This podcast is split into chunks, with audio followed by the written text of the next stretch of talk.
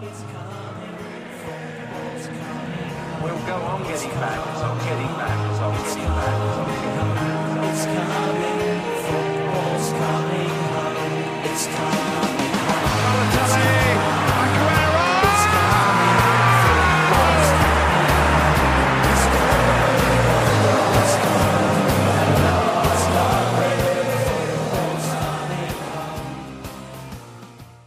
Deze speelronde zagen we de eerste Yorkshire Derby op het hoogste niveau in 26 jaar tussen Leeds en Sheffield, die uiteindelijk ook gewonnen werd door Leeds. Ook kwam Diogo Jota eindelijk weer eens een keertje in actie voor Liverpool in de wedstrijd tegen Arsenal. Eh, en kon Tottenham Hotspur een plek in de top 4 innemen. Ehm, ja, dus eh, genoeg om te, eh, te bespreken. En dat doe ik niet alleen, dat doe ik namelijk met Fabian. Goedenavond allemaal. Ja, voor mij is het natuurlijk een tijdje geleden geweest dat ik dan eh, mee heb gedaan met de, met de podcast. Eh, ik was er namelijk niet bij met de specials. Maar ja, ik kijk er zeker naar uit om, eh, om eh, weer een aantal wedstrijden te behandelen. En eh, ik eh, zit hier lekker op een gemakje tijdens de pa- eh, paasdagen met een eh despootje. Eh, hoort natuurlijk wel bij eh, een beetje eh, wat ik dan aanschouw als bipolar weer. Voor het weekend was het natuurlijk lekker zonnig en nu is het een beetje ja, ja, sneeuwachtig. Ik kan me niet herinneren de laatste keer dat het gesneeuwd heeft in Nederland. In, in april. Maar ja, ja, dan heeft dat natuurlijk niks weggenomen van de voetbal. Dus zeker genoten van het afgelopen weekend. Alleen niet over mijn eigen ploeg, maar ja, daar komen we dan later op terug, denk ik. Ja. Zullen we dan wel gewoon in Londen blijven, maar dan aan ja, blauwe kant beginnen? Is goed, is goed. Ja, wat een, eh, wat een wedstrijd. En ik denk Ja, eh, voor, de, voor de kijkers thuis eh, zeer verrassend. Chelsea en Thomas Tuchel, die hebben voor de eerste keer eh, dit seizoen onder Thomas Tuchel verloren. En ook niet van een, ja, een grote tegenstander, want ze gingen er met 2-5 onderuit tegen West Bromwich Albion. Dus ja, wat denk ik ja, het meest opvallende was aan deze wedstrijd, is dat Callum Robinson, de spits van, van eh, West Brom, die heeft maar vijf doelpunten gemaakt dit seizoen. En alle Ja. vijf doelpunten kwamen tegen, tegen Chelsea. Dus hij had eerder dit seizoen had hij geloof ik eh, twee doelpunten. En, en die 3-3 op eh, in de Hawthorns. En Ja. nu heeft hij dan weer eh, drie daaraan toegevoegd. Dus eh, ja, het was een eh, prima wedstrijd voor hem. Maar ja, je vraagt je toch wel af. eh, je had a- angstkeeknertjes, maar dit is toch wel. Ja, ja dit, is, eh, dit is bijzonder. Maar ik, ik, als je kijkt naar de wedstrijd zelf, ik denk dat Chelsea een beetje genaaid is met die tweede gele kaart voor Thiago Silva. Ehm, want dat was in mijn ogen geen gele kaart. Eh, maar daarnaast, ja, ik bedoel, alles, alles viel goed voor West Brom. Echt alles. Wat het hele seizoen al tegen zit, ging er nu allemaal in. Ik bedoel, ik heb die, die Robinson waar jij het net over had, die, die speelde, stond niet eens in de basis en maakte alsnog een hat-trick. Dus zelfs wel die volley die hij er nog in, eh in. Ja, ja, tegen het einde. Ja, dat was inderdaad, eh, inderdaad mooi. Wat je zegt, ik vond het ook een beetje. eh, de gele kaart van eh, Thiago Silva. Die heeft eh, natuurlijk. Ja, en dat hij natuurlijk tijdens zijn debuut tegen West Brom. eh, dat hij ook twee keer de fout in was gegaan. Ja, dat is natuurlijk ook een beetje. een beetje apart dat het dan weer tegen dezelfde tegenstander gebeurt. En ja, een de tweede gele kaart is natuurlijk heel zwaar bestraft. Want ik vond nou echt niet dat hij heel wild eh, was eh, ingekomen. Maar ja, dan eh, dacht de scheidsrechter er anders over. Ja, toen moest eh, Christensen eh, erin komen voor Ziyech. En eh, dus eh, deze Tata heeft eh, geen volledige wedstrijd kunnen spelen. En daarom eh, is hij ook niet meegenomen op ons eh, lijstje. Eh, spoiler alert. Mhm. Ja, Ik, ik vind ook eh, ja, dat eh, wie er dan over. Kurt Zuma, die, die speelde echt een van zijn slechtste wedstrijden. Geloof ik. in de- van Chelsea. ja, dat was niet best. Maar ik denk dat, dat heel Chelsea gewoon een, een off-day had eh, in deze wedstrijd. En ik heb ook een beetje gekeken op Twitter, Instagram en de reacties van de Chelsea-fans zelf. En die zeiden ook eigenlijk van ja, dit is gewoon een, collectieve off-day vergeten. En we gaan deze week in de Champions League verder tegen Porto. En dan eh, gewoon vanaf dat moment weer herpakken, gewoon weer opnieuw oppakken. En voor de luisteraars thuis, Thomas Tuchel, die had geen uh, of die had maar één tegendoelpunt gekregen. Het hele seizoen, sinds dat hij aan de roer is bij Chelsea. En dat was dan uh, een doelpunt van uh, Minamino van Southampton. De enige ja. andere speler die tegen Chelsea heeft gescoord onder Tuchel was uh, Rudiger, met eigen doelpunt. Maar ja, nu heeft hij ineens...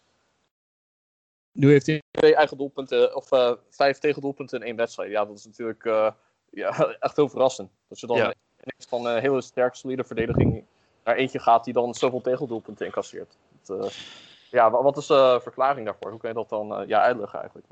Ja, ik heb het nog nooit eerder gezien. Geen idee, ja, ik heb het, ik ben, fan van Feyenoord, dus dan zie je wel vaker hele bizarre dingen. Maar ja, ik, ik weet niet. Ik denk dat, dat dit in dit geval bij Chelsea gewoon echt, wat ik net zeg, een hele gewoon een collectieve off-day is. Dat het gewoon, het, het alles zat tegen. En dan bij West Brom zat ook daadwerkelijk echt alles wat mee kon zitten, zat mee. Doe me een beetje denken aan die wedstrijd eh, eerder dat seizoen van Liverpool tegen Aston Villa. Toen Ja. het 7-2 werd voor Villa. Dat was ook een beetje, ja, precies dezelfde soort situatie. Ja. Ja. Ja, dus ik denk dat, dat voor West Brom is het natuurlijk fantastisch. Want die zitten in een situatie waar je het liefst niet in wil zitten. En dat je dan zo'n wedstrijd hebt uit bij Chelsea. Die je, denk ik, als je van tevoren kijkt, dat je verwacht, nou, die, die schrijven ze vast weg voor een verlies. Eh, dat je daar toch drie punten pakt. Nou dat is denk ik wel gewoon lekker meegenomen. En dan komen we gelijk op een eh, luisteraarsvraag. Ik heb het in het draaiboek tussen aanhalingstekens gezegd, want de vraag kwam van Maurits. Dus dat is dan niet echt een luisteraarsvraag. Maar die zei van, eh, ja, is West Brom bezig aan een comeback? En kunnen ze die ook afmaken? Ehm, boe, dat vind ik een moeilijke. Het is natuurlijk Eller, eh, Sam Allardyce en zijn hele band. Die heeft het natuurlijk heel vaak in het verleden meegemaakt met, met ja, de ploegen die hij dan uit de degradatiezone heeft geholpen. Dus eh, ja, als, je- als je hem kent, als je dat al van hem weet, inderdaad, eh, ja, eh, dit is echt gewoon wat je zou verwachten. En, en dat dat het hem echt gaat lukken dit seizoen. Maar ja, helaas eh, vrees ik dat de achterstand toch te groot is en dat ze niet, niet gaan inhalen. En wa- wat je zei, een off-day was, maar ook een, echt een gelukje voor We- West Brom. Dus ja, ik, ik denk dat als ze kans zouden maken om eruit te komen, dan had dat echt al één of twee maanden eerder moeten gebeuren. Ik denk dat het nu too little too late is. Ja, ik, ik denk tegenovergesteld. Ik denk dat het nog wel kan. Als je kijkt naar hoe de vorm waar zij in zitten en de vorm van de ploegen die erboven staan, die ze in moeten halen. eh, dan, ja, ja, ja, ik bedoel, Fulham staat boven ze. Fulham heeft in de afgelopen vijf wedstrijden één keer gewonnen en de rest allemaal verloren. Wel van. Liverpool overigens, die wedstrijd. Ja. Eh, ja. Ehm, en West Brom wint en speelt gelijk in, in de laatste weken. Ehm, dus ik denk dat de vorm waarin ze zitten iets beter is van West Brom. Eh, in hoeverre je dat kan zeggen als je zo ver onderaan staat. Ehm, en ze hebben een wedstrijd te goed op Fulham. Dus het gat is nu vijf. Stel dat ze zouden winnen, dat zou dan een inhaalwedstrijd moeten worden. Maar dat is een wedstrijd tegen Southampton. eh, de aankomende wedstrijd. Wat kan. Dan is dat gat ineens nog maar twee punten. En dan is het gat naar boven ook steeds kleiner. Dus ik denk, ik denk dat het echt nog wel kan. Er zijn nog zat wedstrijden te gaan voor ze. Ehm, ze hebben- er nog acht. Dus dan, ik, ik denk oprecht dat het nog kan. Het zou ik heel leuk vinden als het kan. Eh, ondanks dat ze de trainer, denk ik, eh Slaven Bilic, eerder dit seizoen veel te vroeg eruit gegooid hebben. ja, mee eens. Maar eh, ja, ik, ik denk dat het nog kan. Maar ja, goed. ik, ik hoop het vooral voor ze. Ik vind het altijd wel leuk als, als, dit soort, als, als dat soort clubs het dan alsnog redden. Ja, ik, ik zou het leuk vinden voor mijn eh, voorspelling voor het seizoen. Want ik had toen, eh, ja, ik had toen West Brom als eerste veilige op de 16e plek. Ja, En, eh, ja, en ik had volgens mij Fulham dat Fulham deg zouden degraderen. dat hoor je niet meer. Maar ja, ik is dat het. ehm, ja, ik had Harry Kane dat die topscorer zou zijn. Dat, dat Ja, al goede weg. City kampioen. Dat eh, Liverpool niet meedoen om, om de titel had ik goed voorspeld. Dus misschien was ik ook eh, visionair met het eh, voorspellen dat West Brom. ja dus we, gaan, we gaan het allemaal meemaken. En dan hebben we natuurlijk nog de, de, de tegenstand, de verliezer Chelsea. Blijft Chelsea in die top 4? Want het gat naar buiten de top 4 met Spurs en Liverpool wordt steeds kleiner. Spurs had er zelfs overheen kunnen gaan. Ehm, ja, ik, ik denk wel, Chelsea die waren natuurlijk in eh, echt topvorm voor deze wedstrijd. En ja, wat je zei, het is een off-day. Dus ik denk dat je als supporter zijn en niet heel angstig moet zijn. Het lukt ze echt wel om eh, top 4 te halen. En ik denk ook, ja, Leicester, die hebben het natuurlijk vorig seizoen weggegeven. Die moeten nog tegen United, die moeten nog tegen eh, Chelsea. En volgens mij ook Spurs. Dus die hebben ook gewoon een lastige programma voor de boeg. Eh, die hebben natuurlijk nu verloren van City. Dus het is ook... ja, het is ook een beetje aan hun om het vast te houden. En als je naar de geschiedenis kijkt, Brendan Rodgers die heeft het wel vaker weggegeven. Ja. Dus ik heb wel vertrouwen dat uh, Tuchel dat eh, ook eh, met alle aankopen die ze hebben gedaan, die zullen ook gewoon doorslaggevend zijn. Dus eh, ja, ik acht de kans groot dat zij eh, top 4 halen. Nou, nee, ik ben het met je eens. Ik denk dat, dat voor Chelsea de kans groter is dat ze erin blijven dan eh, bijvoorbeeld een Leicester inderdaad. Ehm, en daarmee gaan we naar een andere ploeg die, eh, die ook in de top 4 staat. eh, waar we zelfs een tijdje over hadden dat ze misschien kampioen kon worden. Maar dat is ook al, al tijden vervlogen weer. Eh, dat is Manchester United. Die speelde tegen Brighton. Dat was een 2-1 overwinning. Maar dat was eh, absoluut geen makkelijke overwinning. Eh, nee, ja, het is inderdaad weer zoals het zo vaak ja, is geweest het seizoen met de hakken over de sloot. Volgens mij ook eerder dit seizoen tegen Brighton. Toen was het 2-2. Ja. Kregen ze na het laatste fluitseizoen al nog een penalty en toen werd het 3-2. Nou, in deze wedstrijd was er natuurlijk ook weer iets aan de hand. Het stond volgens mij destijds 1-1. En toen Ja. had Harry Maguire had een overtreding gemaakt op Welbeck, maar dat eh, werd dan niet gezien door de VAR. En eh, meteen een paar minuten later scoorde United dan de winnende 2-1. En eh, ja, toen was het gelijk een flinke neder ja, nederlaag voor, voor Brighton. Terwijl ze echt goed speelden. Ik vond dat ze echt wel sterk waren. Maar Absoluut. Verdiende meer. ja, zeker. Dat heb ik ook in het draaiboek gezegd. Het is echt zo'n wedstrijd waarin Brighton een kans had om één of zelfs drie puntjes te stelen. Ehm, bij, bij United op bezoek. Want het, het zat er ook echt gewoon in. En ik denk dat als ze de VAR of de scheidsrechter mee hadden gehad. eh, met die penalty die ze gewoon hadden moeten krijgen. ehm, ja, dan hadden ze gewoon twee, ze hadden zij die 2-1 gemaakt. En dan had, je, had United nog maar de gelijkmaker erin moeten schieten. Maar het is weer een kleine ploeg, klein tussen aanhalingstekens, een kleinere ploeg waar United het moeilijk mee heeft. Terwijl die grote tegenstanders, dat gaat elke keer een stuk makkelijker. Ja, wat me opvalt is eh, dat ze steeds vaker de nul houden tegen de grote tegenstanders. Maar als je ook kijkt naar, ze hebben bijvoorbeeld laatst van eh, City gewonnen. Maar dat is ook de enige, zeg maar, grote tegenstander waar ze van hebben gewonnen dit seizoen. Ja, En eh, ik denk dat we dan vorig seizoen zeiden van ja, juist tegen de kleintjes lukt het niet, maar tegen de grote tegenstanders wel. Dit seizoen is het juist dat ze dan tegen de kleintjes iets beter zijn dan vorig seizoen. Maar tegen Ja. de grote tegenstanders weten ze dan niet te verliezen, maar ook niet te winnen. En ik denk dat de reden waarom ze echt niet mee hebben gedaan met, eh, met, ja, om de titel dit seizoen komt vanwege het feit dat ze veel meer gelijk hebben gespeeld tegen de grote tegenstanders. In plaats van dat ze echt overwinningen over de streep hebben getrokken. En eh, Ja. dat is denk ik eh, voor United ja, de volgende stap. Omdat dan, ja, dus die twee seizoenen waar ze goed in waren dat seizoen en goed in waren geweest dit seizoen tot nu toe. Ja. Dat ze dat gewoon combineren en dan zal je wel zien dat ze echt mee kunnen doen om de titel. En natuurlijk helpt het ook als ze dan bepaalde beslissingen meekrijgen. Maar daar moeten we natuurlijk niet eh, te veel op ingaan. Want nee, anders lijken we dan uh, salty eh, Manchester United haters. En dat willen we Ja, natuurlijk maar dat, elke club heeft natuurlijk zijn, zijn gelukjes dat het mee zit en dat het af en toe ook tegen zit. En dat heeft United vaak zat ook gehad zelf, eh, dat het tegen zat. Ehm, maar ja, die gaan gewoon op een hele, hele stabiele tweede plek op. Dat ik denk van tevoren, van ze, voor of dit, dit seizoen niemand verwacht had dat United tweede zou zijn. Nee, nee, nee. Dat eh, was natuurlijk vorig seizoen eh, waren ze na de lockdown echt heel sterk. En toen werden ze Ja. uiteindelijk derde. Eh, maar dat laat wel zien dat het op zich gewoon de goede, ja, goede richting gaat. Maar ik denk toch wel voor United om echt een volgende stap te maken. Ze moeten dan wel er vandoor gaan met een prijs. Ik bedoel, het is natuurlijk wel een grote club. En hun laatste prijs is uit het jaar 2017.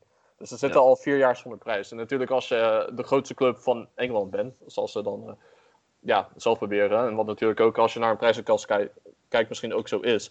In de Premier League zeker, ja. Ja, in de Premier League, ja. Ja, dan, dan zou je toch verwachten dat, eh, ja, dat ze dan eh, wat beter doen dan eh, ja, vier jaar zonder prijs gaan. Dus eh, het ligt echt aan de Europa League om die dan dit seizoen te winnen. En ja, zo niet, dan, dan, gaan ze vijf jaar zonder prijs. Als ze dan, ja, op het moment dat ze misschien volgend seizoen een prijs winnen. Dat, dat, dat is echt, voor Solskjaer is dat echt de eerstvolgende stap die hij moet maken.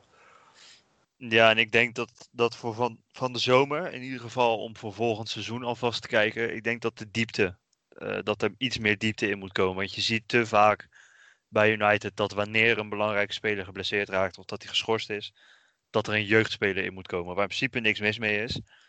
Eh, maar die zijn er dan nog niet helemaal klaar voor. En dat, dat kleine gat, dat, dat missen ze eigenlijk nog. Ja, ik, eh, ik ben het met je eens inderdaad. En, eh, het is natuurlijk ook zaak voor hun om eh, Pogba te behouden. Die, die Ja. speelt wel een vrij sterk seizoen. Die was natuurlijk niet zo heel goed begonnen, maar die is wel langs, zo langzamerhand gegroeid. naarmate het seizoen verder is gegaan.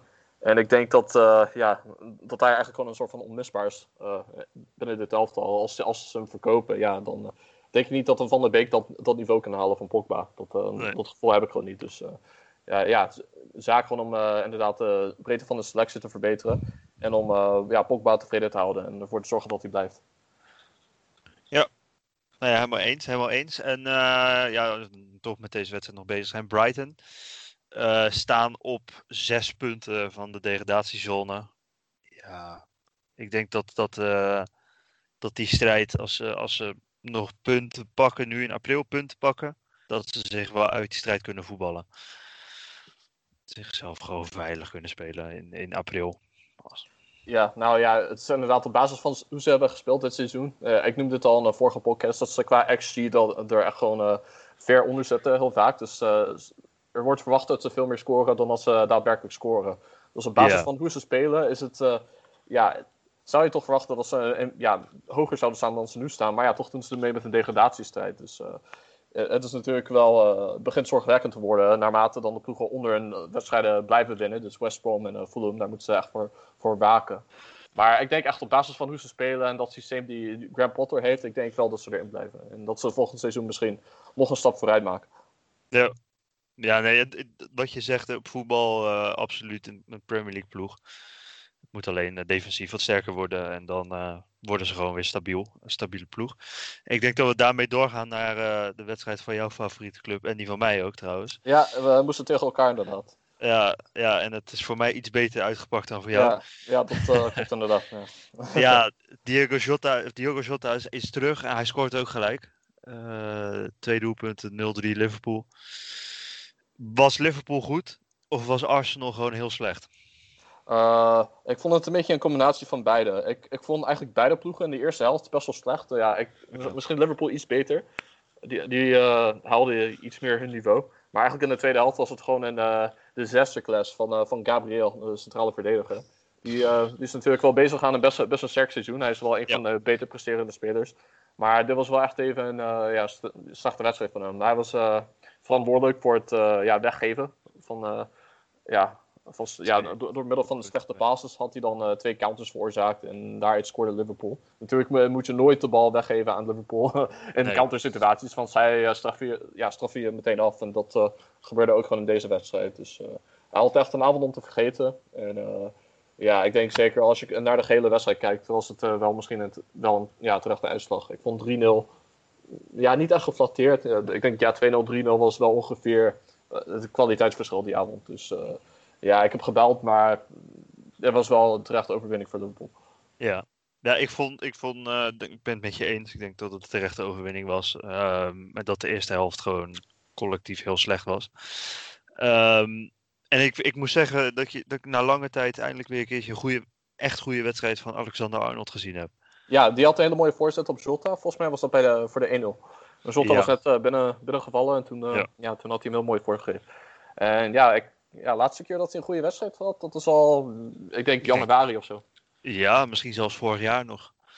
Maar eh, niet een heel sterk seizoen natuurlijk. Eh, we hebben op, eh, op onze Twitter ook gedeeld. Het is een artikel uit Engeland wat naar voren kwam dat Southgate al aan het bellen is. Met spelers die een kleinere kans hebben om naar het EK mee te gaan. En daar zou Alexander Arnold ook bij gezeten hebben. Mhm.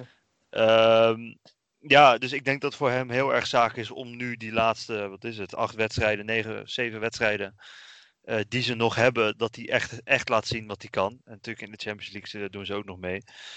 Eh, om om ja, nog die mening te veranderen. Ja. Ehm, Ja, ik denk dat hij dat absoluut wil. Maar ja, tuurlijk. Al- al- Als je Engeland volgt, is het natuurlijk ook wel zo dat Kyle Walker is een beetje onmisbaar. Hij, eh, hij is wel Ja. echt een hele belangrijke schakel. Hij kan natuurlijk ook centraal spelen en op rechts.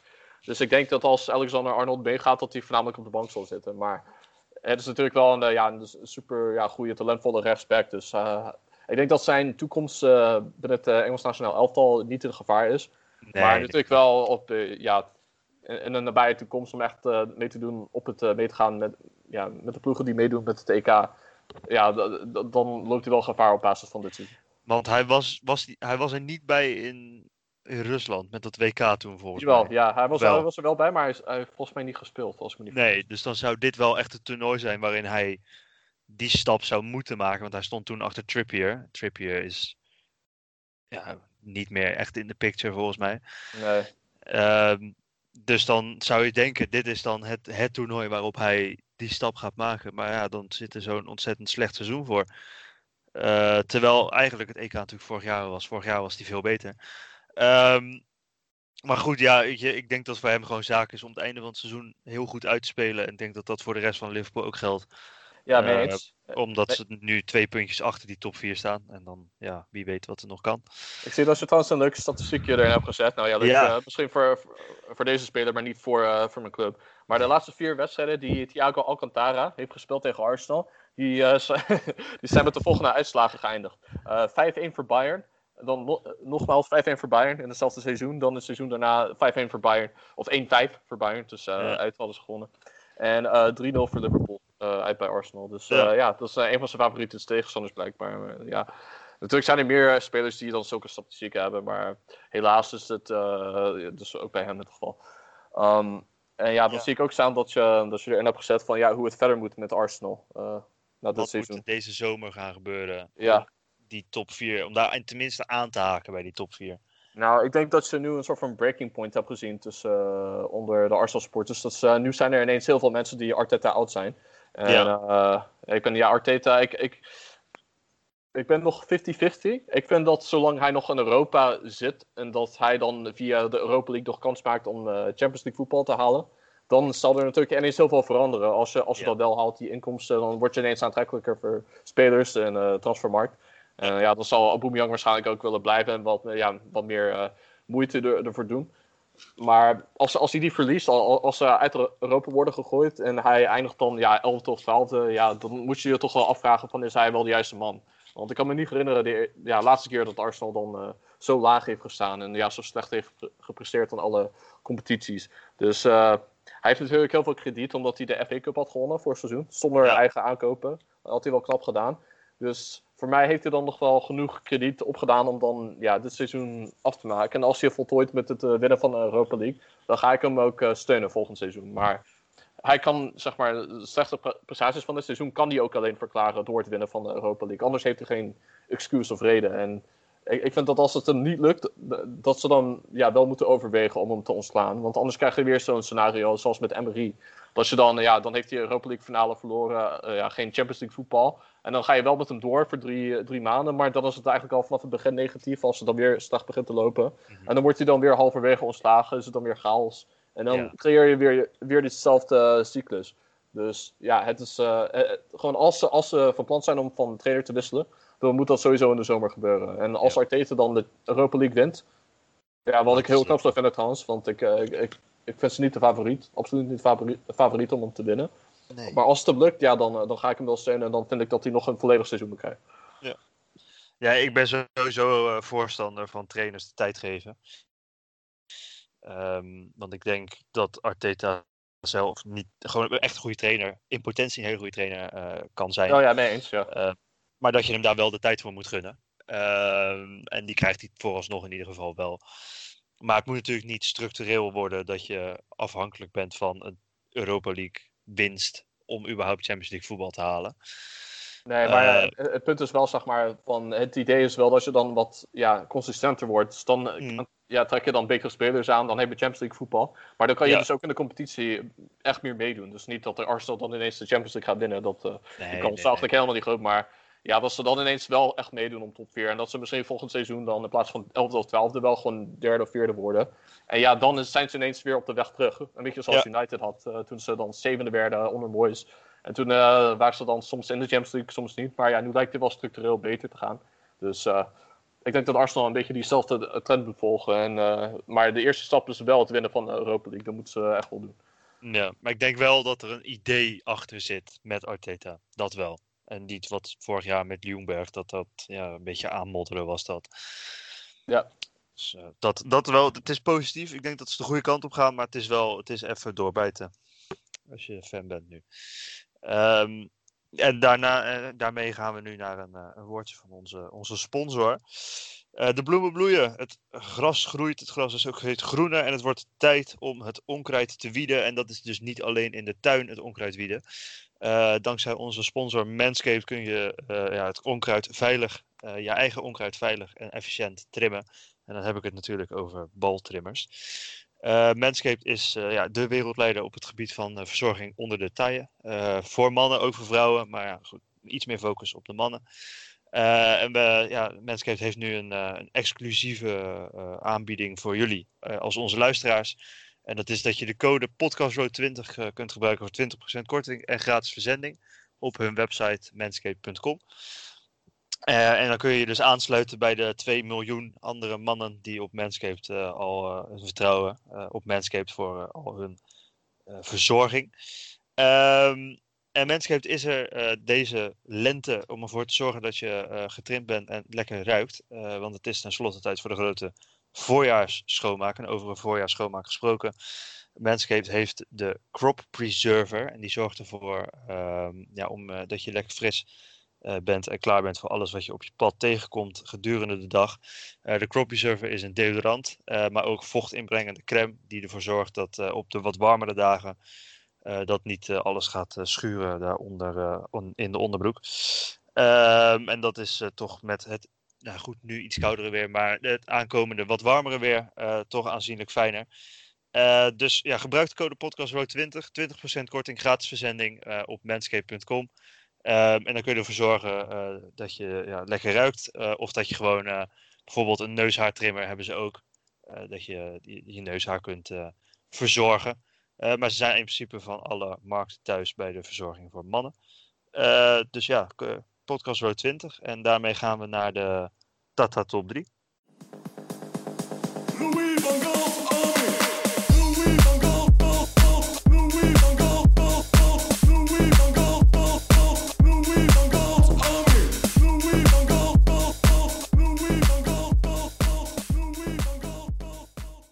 Nou, sommige weken eh, van de Tata Top 3 die waren wat aantrekkelijker dan andere. Eh, ik heb gemerkt dat de spelers die eh, ja, internationals van het Nederlands elftal die mee hebben gedaan met een, of uit zijn gekomen voor een land, dat ze dan ja, eigenlijk weinig moeten hebben gekregen. Dus Gini Wijnaldum die had, ja, die viel eigenlijk in, dus die stond niet gelijk in de basis en zat geld voor Donny van de Beek. Maar toch heb ik dan wel drie spelers erin kunnen zetten. En dan begin ik met de derde. Dat is Erik Pieters. Die had misschien wel hoger kunnen staan, want eh, die had wel een eh, penalty ver- verzilverd. Eh, dus hij werd, werd de overtreding op hem gemaakt door Kyle Wa- Walker-Peters van Southampton. Echter eh, moest hij helaas het spel verlaten met een blessure, maar toch heeft hij genoeg gedaan om een derde plek te verdienen op, op de Tata Top 3. En dan heb ik op de tweede plek, heb ik, is een wedstrijd die net afgelopen is, eh 1-1 tussen Everton en Crystal Palace. Het is niet eh, Patrick van Aanholt. Die had eh, eigenlijk bij dat doelpunt van James Rodriguez eh, had hij zich heel klein gemaakt, waardoor de bal ja, eigenlijk weer inging. Dus hij had hem eh, best tegen kunnen houden. Dus hij staat er niet in. Maar wie er wel in staat is ja, Jairo Riedewald. Ik zag wel leuke statistiekjes voorbij komen. En hij, ja, hij begint zich wel goed te ontwikkelen daar in, in Engeland. Hij is, soms staat hij dan niet in de basis bij Palace. Maar hij begint steeds weer een beter indruk achter te laten. En ja, daarmee wil ik hem dus belonen met een tweede plek op de, ja, op data top 3. Maar dan wil ik op de eerste plek ja, een hart onder de riem steken van de speler die eigenlijk te weinig heeft gespeeld dit seizoen. En dat is Donny van der Beek. Die viel, ja, viel vlak voor tijd viel die, in de wedstrijd tegen Brighton, stond toen nog 1-1.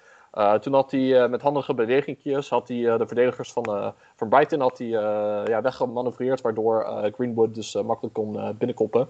En als Greenwood niet bij die voorzet was gekomen, dan had van Paul Pogba, dan had Van der Beek hem waarschijnlijk zelf binnengeschoten. Dus voor, zijn, ja, voor zijn inzet bij deze wedstrijd wil ik hem belonen met de eerste plek op de tafel top 3. En volgens mij is het ook pas de tweede keer dat hij bovenaan staat. Dus Donny, van harte gefeliciteerd. Jij bent de tafel van de week.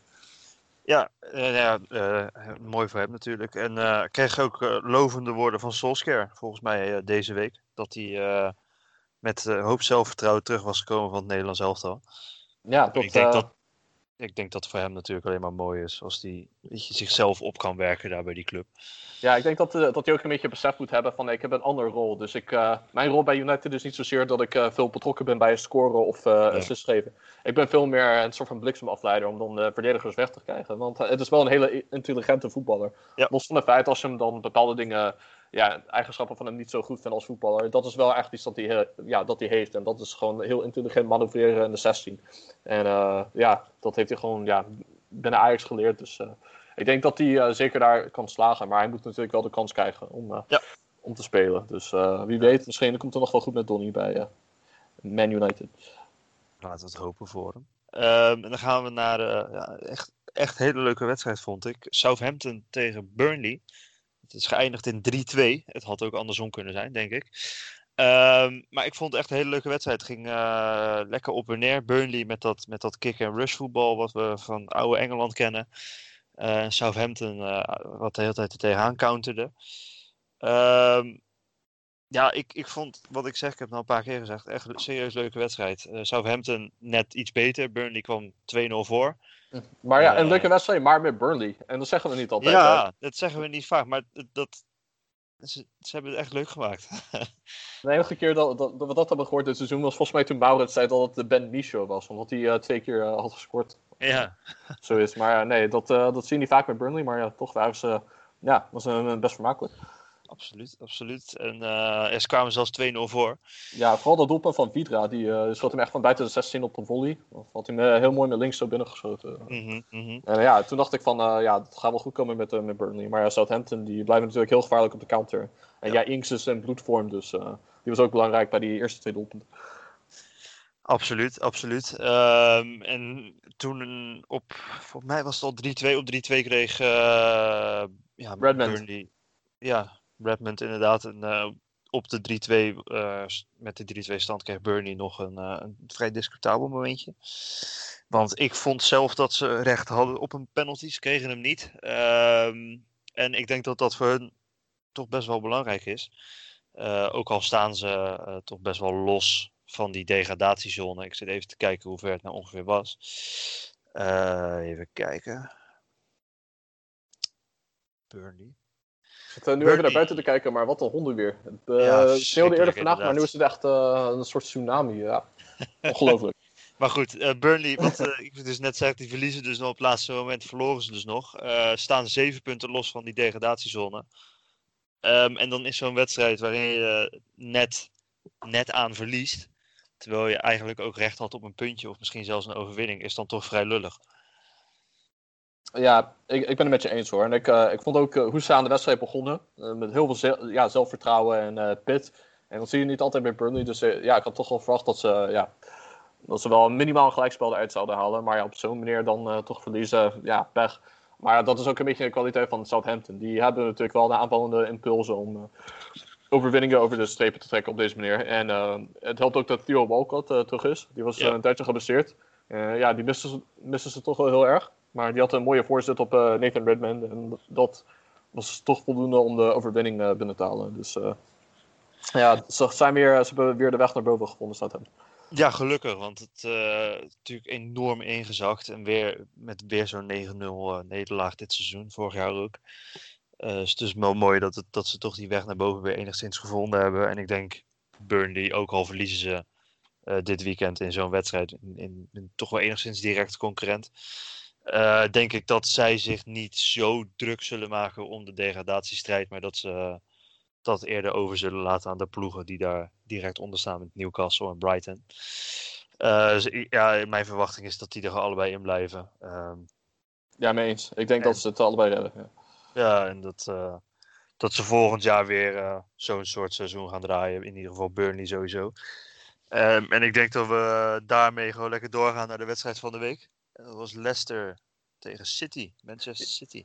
Ja, opvallend is het dus niet, eh, was de wedstrijd van de week dus niet eh, Liverpool tegen Arsenal. Maar dat is natuurlijk als je naar de ja, tussenstand kijkt. Dan zijn die twee ploegen onder deze twee ploegen. De nummer 1 en de nummer 3. Dus eh, Mhm. ja, het was natuurlijk eerder dit seizoen Leicester, Manchester City. Uit bij Manchester City was het 5-2. Voor Leicester City heel verrassend.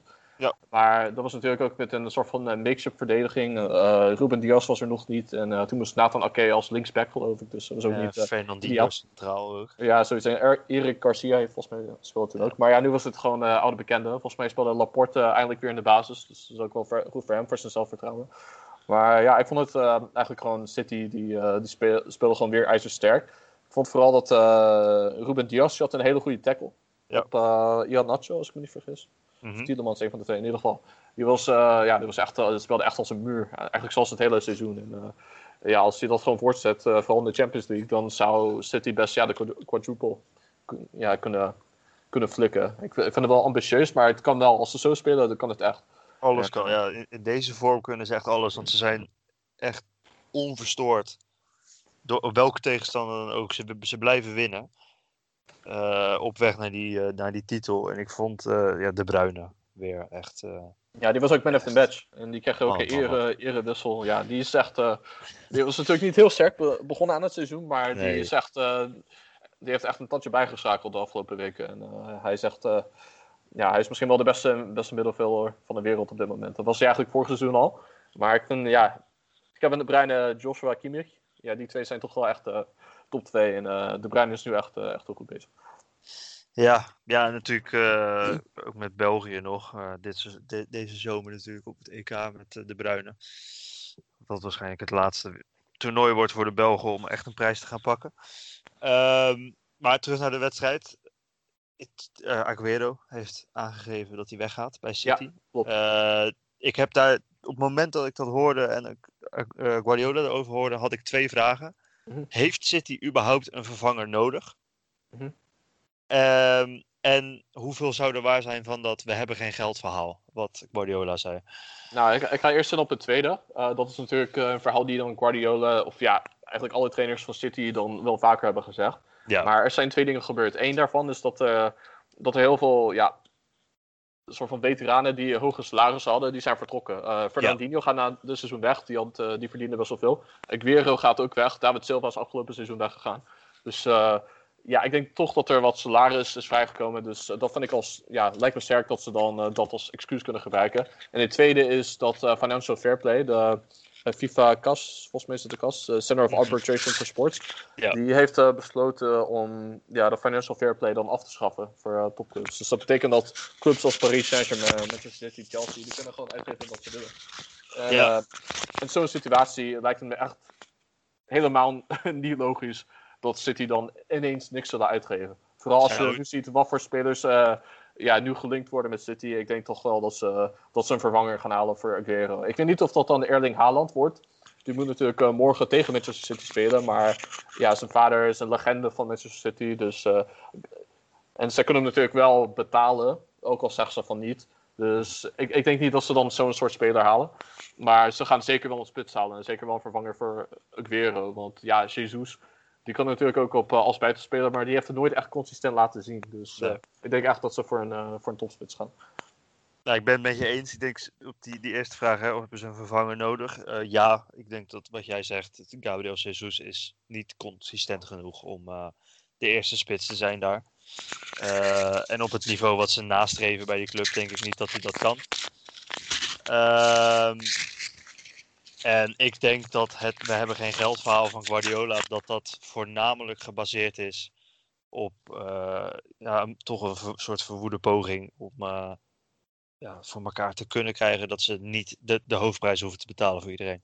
Ja, dat, eh, dat idee heb ik ook inderdaad. Dat het gewoon een soort mindgames is. En, Ja. Het is natuurlijk ook COVID, dus ze hebben natuurlijk wel het geld om alles uit te geven, maar ze willen dan niet geforceerd zijn om dan meer uit te geven dan, dan eigenlijk hoort. Ik bedoel, een speler als eh, Sancho, die eh, ging uiteindelijk niet naar United afgelopen seizoen, dan was eh, die director of 80 football, miljoen of zo. ja, die, die had gezegd dat hij 135 miljoen euro waard is. Nou ja, Ja. dat vind ik eigenlijk niet dat hij zoveel waard is. Dus City zouden ook niet zo'n bedrag neertellen voor zo'n speler. Maar het zou op zich wel kunnen, en dat weten clubs. En al helemaal als financial fair play geen factor meer is. Dus dat kan inderdaad ook een, ook een reden zijn waarom het dan heeft meegewogen in de, in de uitspraken van, eh, van Guardiola. Maar Harry Kane. ja, Harry Kane, dat is natuurlijk... Een eh, soort van ook wel- persieactie zou dat zijn. Maar Ja, ja, dat zou natuurlijk heel eh, indrukwekkend zijn als eh, dat ze lukt. Maar eh, ik denk dat we dan eh, daar zo meteen op terug kunnen komen als we het over Tottenham Hotspur hebben. En Ja. was Harry Kane weer belangrijk bij die wedstrijd. Maar ik denk dat we eerst eh, ja, Leicester moeten behandelen, wat de status daarvan is. Ja, ja ik, ik heb hier in, in het draaiboek gezet, gaat Leicester nog tegen problemen aanlopen of, of blijven ze nu wel in die top 4 staan? Eh, ja, ik denk toch dat je een beetje naar de ja, geschiedenis moet kijken. En het is natuurlijk eh, afgelopen seizoen eh, echt hartstikke fout gegaan. Ja. Nu is er natuurlijk ook in de Europa League. hadden ze geen probleem in de groepsfase, maar naarmate ze dan in de knock-out fase kwamen, was het dan toch, was het toch moeite en toen gingen ze eruit. Dus ik Ja. de kans, ik, ik acht wel de kans groot dat zij dan, ja, dat zij er eh, uitvliegen. eh, of ja, dat ze de top, eh, top 4 niet halen. Ik vind wel dat ze eh, goed gespeeld hebben. Ze hebben echt wel kwaliteit binnen de selectie. Het helpt ook dat Ian Nacho de weg naar boven heeft gevonden. Die was natuurlijk ook speler van de maand van de afgelopen Ja. eh, maand. En daar heeft hij ook dik verdiend. Dat speelde echt heel sterk. Maar het is toch Brandon Rodgers die heeft het in het verleden laten zien. Ik vind Chelsea, uh, behalve dan die wedstrijd tegen West Brom, vind ik echt heel stabiel. Liverpool beginnen spelers terug te krijgen. Die beginnen weer in vorm te komen. Jota is terug. Ik geloof dat Henderson voor het einde van het seizoen ook terug is. Mhm, Of is dat nog niet zo? wel, ja. ja. Ja, en Van Dijk die uh, misschien niet, maar het uh, staat nu wel stabiel met Kabak en Phillips of Kabak en Matip. Dus ik kan op zich wel. Fabinho speelt nu ook weer op het middenveld. Die moest heel lang centraal achterin spelen, maar Ja. nu zie je weer op zijn vertrouwde positie in het middenveld. Dat loopt het middenveld ook beter bij Liverpool. Dus ja, ik, ik denk toch dat als je dat allemaal afweegt, dat, uh, ja, dat ze het uh, gaan weggeven. En ze moeten natuurlijk nog tegen Chelsea, tegen Spurs, uh, ik geloof ook tegen United op de laatste, een van de laatste speeldagen. Dus ja, het, gaat lastig worden voor ze om, om, om erin te blijven. En ik denk dat het, dat het ook gewoon niet gaat lukken. Ik, ik denk dat het ze wel gaat lukken. En dat is voornamelijk omdat de ploegen die onder ze staan, of nog buiten die top 4, spelen allemaal Europees voetbal op Tottenham na. Want die zijn Ja, natuurlijk uitgegooid door Zagreb. Ehm die zitten allemaal nog in dat Europese voetbal. Of, uh, dus een dubbel schema eigenlijk wat ze moeten afwerken. Ehm en daar is Leicester vanaf, omdat ze eruit gegooid zijn. Ehm dus ik, ik, denk, ik denk dat ze dit seizoen gewoon wel gaan redden. Ik denk dat vorig jaar gewoon kwam door die enorme pauze van een paar maanden. Ehm Ja. En dat ze toen slecht begonnen na de lockdown. Uh, en ja, dan dat veranderen, dat gaat niet zo makkelijk. En ik moet zeggen, toen ik me een beetje had verdiept hierin, dat was ook mijn insteek dat dat zo was. Maar ik, ik keek hem eigenlijk naar de resultaten net voor de lockdown. En toen verloren ze eigenlijk van Norwich, die al tien wedstrijden achter elkaar niet hadden gewonnen. Dan verloren ze thuis van Norwich. En ja, dat is dan... Dus voor de lockdown waren ze al niet goed. En na de lockdown hadden ze uh, die trant uh, voortgezet. Dus ik denk toch dat dit gewoon een beetje een menta mentaliteit iets is binnen de ploeg. Dat het dan ze toch niet lukt om over de, over de streep te gaan. En ik denk Ja. dat Porto, ja, dat dat toch voor Chelsea wel een vrij makkelijke tegenstander is. Dus dat ze niet zoveel moeite zullen hebben om uh, die te verslaan. Dat wonnen En wij zelfs van jou bij Feyenoord vorig jaar. Ja, klopt, ja, met uh, Rick. Maar goed, dat is natuurlijk even voor een andere, dat is even een andere zaak. Um, maar inderdaad, ja, Porto, uh, ik, ik, denk dat uh, Juventus eigenlijk ook gewoon van Porto had moeten winnen. Maar ja, dat is natuurlijk Juventus uh, de Ja, laatste paar ja, jaar. ja, is ook niet. En uh, dus ja, ik denk dat Chelsea dan gewoon veel meer op de competitie zullen focussen. Dat ze ook weten van ja, West Brom is gewoon een uh, off-day. En uh, dan gaan we gewoon achter ons zetten. En we gaan gewoon focussen op top 4. En ja, Spurs, die spelen natuurlijk niet Europees. En die hebben wel een niet heel makkelijk schema. Maar het, ja, ze maken wel kans om er ja, ook echt in mee te doen. En uh, ik weet niet of Leicester dat volhoudt hoor. Dus uh, ik, ik denk toch dat ze er net bij te vallen, net als vorig seizoen. Maar Dat, we zullen eh, het zien. Ja, en dan gaan we gelijk door, denk ik, naar Tottenham, die jij net noemt. Met het, eh, het niet hele makkelijke schema. Wat ze nog over hebben. Maar een van de wedstrijden die wel makkelijk, op papier makkelijk waren, hadden ze dit weekend tegen Newcastle. Eh, en dat werd een 2-2 gelijkspel. En ik heb, ik heb hem live zitten kijken. Ehm, en ik denk dat Spurs het zelf verzuimd heeft om de wedstrijd eh, te beslissen. Want Ja, ze hadden gewoon moeten winnen. Maar ik vond wel dat. Ook al had Spurs ook echt hele goede kansen, vo- voornamelijk voor eh, Harry Kane, vond ik ook dat, eh, ja, dat Newcastle ook wel goede kansen hadden. Jolie Anton eh, die schoot volgens mij ook twee keer naast. Ja. En die, die had natuurlijk ook de score geopend. Dat was een mooi aanval. Viel die ja, goed in zijn voeten. Ja. En eh, ja, knap eh, 1-0 voorsprong. Maar natuurlijk met Harry Kane, die is, eh, als hij een kans raakt, dan is het ook meteen raak. Dus die had, eh, uit de kluts had hij dan eh, 1-1 gemaakt. En vier minuten later was hij weer raak met de 2-1. Had hij heel mooi binnengeschoten, mooie aanname. En ja, gewoon mooi binnengeknald. En, ja, wat me eigenlijk opviel met Harry Kane bij, eh, bij Tottenham is... ik weet niet of je deze vergelijkenis ook hebt gezien, maar... Mhm. In het begin liep het echt heel goed met Tottenham. En Ja. alles, meerdere spelers speelden echt goed. Maar eigenlijk nadat er een aantal blessures kwamen... En ja, spelers gingen dan een niveau niet meer halen. Dus Son heeft volgens mij nu al maar, nog maar één doelpunt in de afgelopen 13, 14 wedstrijden. Dus ja, die heeft dan zijn niveau niet volgehouden. Bale was natuurlijk vaak geblesseerd. Ja. Nu zie je dat eh, Kane eigenlijk eh, heel wat team op uh, sleeptouw moet nemen. En dat doet me echt heel erg denken aan eh, Robin van Persie bij, bij Arsenal in het seizoen 2011-2012. Toen eh, had hij 37 doelpunten gemaakt in alle competities. En had hij echt Arsenal gedragen. Had hij echt volledig op sleeptouw genomen. En dat zie je nu ook met eh, Kane. Want die is eh, zowel de topscorer als de top assistgever in, eh, in de Premier League dit seizoen. Dus individueel gezien heeft hij echt een topseizoen. Draait hij een topseizoen. Maar heel veel spelers om hem heen die geven het weg. En dat was dus ook bij die 2-2 van Newcastle. Van huurling Joe Willock, die hem had binnengetikt. Dan zie je dan toch dat, ja, dat Kane dan door zijn verdediging wordt... en dat ze dan zomaar weggeven. En ja, natuurlijk had hij dan twee topkansen om de wedstrijd echt te beslissen. Maar ja, het moet daar eigenlijk niet van afhangen. Je moet gewoon Nee. eh, erop rekenen dat je verdediging tegen Newcastle geen twee tegendoelpunten krijgt. En dat was dan net zoals eerder dit seizoen tegen Newcastle. Hebben ze dan in eh ja, late fase van de wedstrijd hebben ze dan toch verloren. En dat, eh, en ja, dat heeft ze de das omgedaan. Ja, en ik denk wat je zegt, het, het, het moet niet alleen maar van hem afhangen. Als hij, hij moet een kans kunnen missen. Ja, mee eens. Dat is volledig hoe het zit. En, en hij heeft gewoon die luxe niet met die verdediging die Nee. hij heeft. Dus als je dan zegt van ja, moet Kane weg na dit seizoen. Hij moet natuurlijk tegen Manchester City in de bekerfinale over twee weken, geloof ik, drie weken. Mhm. Ja, dat is natuurlijk eh, een kans voor hem en voor Tottenham om een eerste prijs in 13 jaar te winnen. En Mourinho heeft ook een geschiedenis eh, dat hij bij ja, elke club die hij ooit heeft getraind, heeft hij een prijs gewonnen. Dus als je naar de statistieken kijkt, is de kans groot. Hij is natuurlijk ook heel goed bezig, statistisch gezien, in, de, in die eh, League Cup finale. Volgens mij heeft hij nog nooit eentje verloren. Dus je zou wel echt als sporter zijn de vertrouwen hebben. Maar het blijft Tottenham, het blijft Harry Kane. Als het hem niet lukt en als Tottenham dan weer zonder prijs zitten en geen Champions League hebben, dan moet hij misschien toch wel de afweging gaan maken van moet ik niet weg. Ja, en of er nou een club is waar hij naartoe moet. Je zei Nou het ja. al, Manchester City. Ik, ik zou Ja. dat geen gekke, geen gekke optie vinden. eh, Nee, absoluut niet. Ik denk dat hij het beste ook in Engeland kan blijven voor zijn gewoon hoe hij voetbalt überhaupt. Ehm, maar ik, ik, ik van de week ook, eh, voor mij was het Match of the Day, maar ik weet niet meer precies welk programma het was. Er zat Graham Souness. Ja, en die zei, ook, die zei ook van, het is eigenlijk voor Harry Kane, is het, een, het is dit seizoen of niet meer. Dat hij echt een, een grote transfer kan maken. Eh, want ja, na volgend seizoen, dan eh, loopt zijn contract af. Nou, dan kan het alsnog wel, maar dan zou het transfervrij moeten.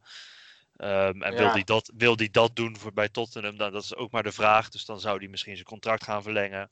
Ja, dan wordt hij sowieso niet meer verkocht. Nee, want hij is bijna 28. Dus Ja. als hij dan eh volgend seizoen 28 is, dan eh, kan hij eigenlijk al niet meer weg. Dan eh, moet hij of ja, transfervrij vertrekken. Maar wat je zei, ik denk niet dat hij dat tot hem zou aandoen. Nee. En ik denk inderdaad dat hij echt de keuze moet maken. Als hij dan ja, bekerfinale verliest, tot dan de spelen geen Champions League. Dan zou ik, als ik hem was, zou ik gewoon vertrekken. Dan zou ik Guardiola gaan opbellen en zeggen van, je mag me hebben voor eh, ja, 100 miljoen. Ik heb nog maar één jaar op een contract, dus 100 miljoen voor Harry Kane. Misschien ietsjes meer met bonussen.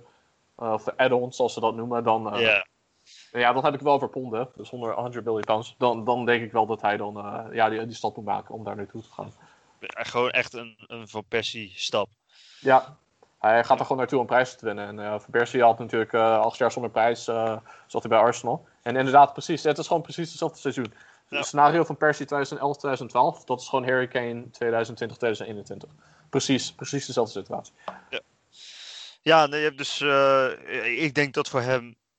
Ik, ik, hoop, ik hoop gewoon dat hij met Spurs iets kan, iets kan winnen. Eh, maar ik, ik denk dat er voor hem ook gewoon een punt komt waarop hij de beslissing moet nemen van joh, hier wordt het hem niet. Ik ga het ergens anders eh, doen. Ehm, en dan op de tegenstander terugkomen, Newcastle. Eh, natuurlijk eh, dat puntje door die Arsenal-huurling tegen Tottenham, altijd lekker. Eh, ja, zij, hebben zij toch nog iets van een puntje, ook weer tegen een tegenstander. Ehm, waar je van tevoren niet van zou verwachten dat je daarvan van een punt tegen, überhaupt tegen zou pakken. En zij, ja, zij voelen die, die toch steeds heter worden de adem van de ploegen onder ze. Ehm, en dan is zo'n gelijkspelletje toch wel fijner dan verliezen. Ehm, en ik denk dat we daarmee eh, doorgaan naar de overige wedstrijden. Pakken we gewoon eventjes de uitslagen erbij, heel kort. Eh, heel kort over de wedstrijd zelf. En dan beginnen we met eh, Leeds Sheffield. Dat is eh, 2-1 geworden. En Leeds wint dus de eerste Yorkshire Derby tussen Leeds en Sheffield in 26 jaar op het hoogste niveau gespeeld. Ehm, en ik denk dat dat ook een, een verdiende overwinning was eh, voor Leeds. En eh, ja, die staan nu eh, in het linker rijtje. En ik denk, eh, dat zie je de laatste jaren steeds vaker in de Premier League. Dat, eh dat eh, promovendi het, eh, het heel aardig doen. En eh, datzelfde geldt ook voor Leeds. Ja, maar wie had je vorig seizoen? Eh, Sheffield was er natuurlijk en een seizoen Sheffield. daarvoor Wo- Wolverhampton. Was het, Ja, ja. ja. dat, eh, daar hebben we wel gelijk in. Ik, eh, ik, vind ja, Leeds nogal ja, inconsistent. Ik denk niet dat ze erin blijven in, de link, ja, in het linker rijtje. Maar ook op- worden ze 11e, 12e, 13e is het gewoon een ja, topseizoen voor Leeds. Ja. Als je promoveert en je erin blijft, dat is al een prestatie op zich. Dus dat Daarom. is wel daarom. gewoon prima. Eh, dan gaan we door naar de volgende. Dat was Villa tegen Fulham. Eh, dat werd een 3-1 overwinning voor Villa. En ja, die herpakken zichzelf na een paar toch misschien wel iets wat teleurstellende resultaten. En die duwen daarmee Fulham eh, steeds verder de problemen in. Want uh, Fulham wint maar niet. Uh, en speelt ook niet gelijk de laatste weken. Die voelen langzaam maar zeker de, de, de steeds heter wordende adem van West Brom. Die wel die punten pakken en dus wel met een soort comeback bezig zijn. Um, en het wordt gewoon een steeds moeilijker verhaal voor Fulham. Uh, ook al is dat gat naar boven uh, best wel klein. Uh, het wordt steeds lastiger. Dan gaan we door met de wedstrijd die voor ons, terwijl we dit opnemen op maandagavond, net afgelopen is. Dat was Everton tegen Crystal Palace. Dat was een overwinning voor Everton. met, even kijken. Wat... Een goal voor. ja, dat geen overwinning, was een 1-1, sorry. Ja, was 1-1. Maar de, um, ja, dat hadden we dan even niet goed erin gezet. We hadden een 1 en dan, en dan hadden we geen uh, doelpunt voor, de, voor Crystal Palace erbij gezet. maar dat was dus een doelpunt van, uh, ja, wat ik erin heb gezet, uh, transgender Gamos Rodriguez. Ik weet niet of jullie uh, social media een beetje hebben gevolgd. Maar er ging voor een tijdje gerucht rond dat Gamos Rodriguez een sex change operation had gehad. Dat hij ook hormonenpillen had geslikt en dat hij dan ineens was veranderd in een vrouw. Nou, daar was niks van aan te, op te merken toen hij de 1-0 binnen schoot. En uh, dat was eigenlijk wel dankzij een veld van Van Aanholt die had die uh, bal eigenlijk tegen moeten houden. Maar had zich klein gemaakt en toen ging hij hier ja, in de rechter binnenhoek uh, ging hij erin. En, en ja, verder vond ik het wel ja, een stabiele pot van Riedewald. Maar eigenlijk stonden ze een lange tijd achter en toen moest invaller Batshuayi toch redden. En uiteindelijk werd het dan 1-1. Dus ja, voor Everton uh, weer een tegenslag. Ze hadden eigenlijk misschien wel meer verwacht van dit seizoen. Na alle aankopen die ze hebben gedaan. Maar... En, het, en de start die ze ook hadden aan. Oh ja, dat ook. Dat al helemaal. Ja, dus uh, het puntje voor allebei. Crystal Palace zal er blij mee zijn dan Everton. En dan nog een tussenstand. Terwijl wij aan het opnemen zijn hier, is West Ham aan het voetballen uit tegen Wolves. En die staan 1-0 voor door een doelpunt van Guess Who? Jesse Lingard. Wie anders? Ja, inderdaad. en ik had uh, geen naam erbij gezet, maar je wist het al toen de Guess Who erin had gezet. Toen wist je al van, uh, ja, het is natuurlijk uh, Lingard. Ja, die scoort iedere week. Die is echt... ja, wat is de vraag? Denk je dat de Lingard nog een toekomst heeft bij Manchester United? Of dat hij echt gewoon bij West Ham moet blijven? Nee, die moet lekker bij West Ham blijven. Ja, Nee, het werkt. Hij, Dit werkt. Hij, inderdaad, ja. Hij heeft gewoon echt, je ziet gewoon dat hij zelfverzekerd is. Uh, klikt gewoon goed. En Southgate is ook een trainer die dan... Uh, maakt het niet uit als je bij een top 6 club speelt. Ik bedoel, Nick Pope is de keeper, eerste keeper van het Engels elftal. En die speelt bij Burnley. Eh, die gewoon een laagvlieger zijn. Ja. En uh, ja, dus het maakt het gewoon niet uit. Zolang je maar in de basis speelt, je speelt goed. Het maakt niet uit voor wat voor club je speelt in Engeland. Jij bent gewoon van harte welkom bij het Engels elftal. Als je dan goed, goed, ja, gewoon stabiel en goed speelt bij je club. En zoals het nu gaat met Lingard en West Ham, dat uh, ja, klikt gewoon. Dus ja, ik hoop ook vooral voor, voor dat zij, gewoon, dat zij hem gewoon ja, permanent overnemen. En dat, dat ze gewoon een goede samenwerking aangaan. Ja, absoluut, absoluut. En ik denk daar zijn, dat we daarmee aan het einde gekomen zijn van deze aflevering. Willen jullie weer heel erg bedanken voor het luisteren natuurlijk. Um, en dan gaan we nog eerst eventjes de social media langs. Op Instagram kun je ons vinden onder podcast Road gewoon aan elkaar. Op Twitter heten wij podcast laagstreepje road. dan kun je ook nog liefdesbrieven, vragen, uh, sponsoraanbiedingen, wat je ook wil. Kun je oh, die, die laatste inderdaad. kun je allemaal naar ons opsturen op podcastroad.gmail.com. Uh, kun je ook nog op onze website als je een keertje wat leuke artikelen wil lezen en wat meer in, in diepte wil zien, kun je naar onze website podcastroad.nl schrijven af en toe leuke stukjes op. Um, en podcast Road 20 uh, voor gratis verzendingen en 20% korting uh, bij Manscaped.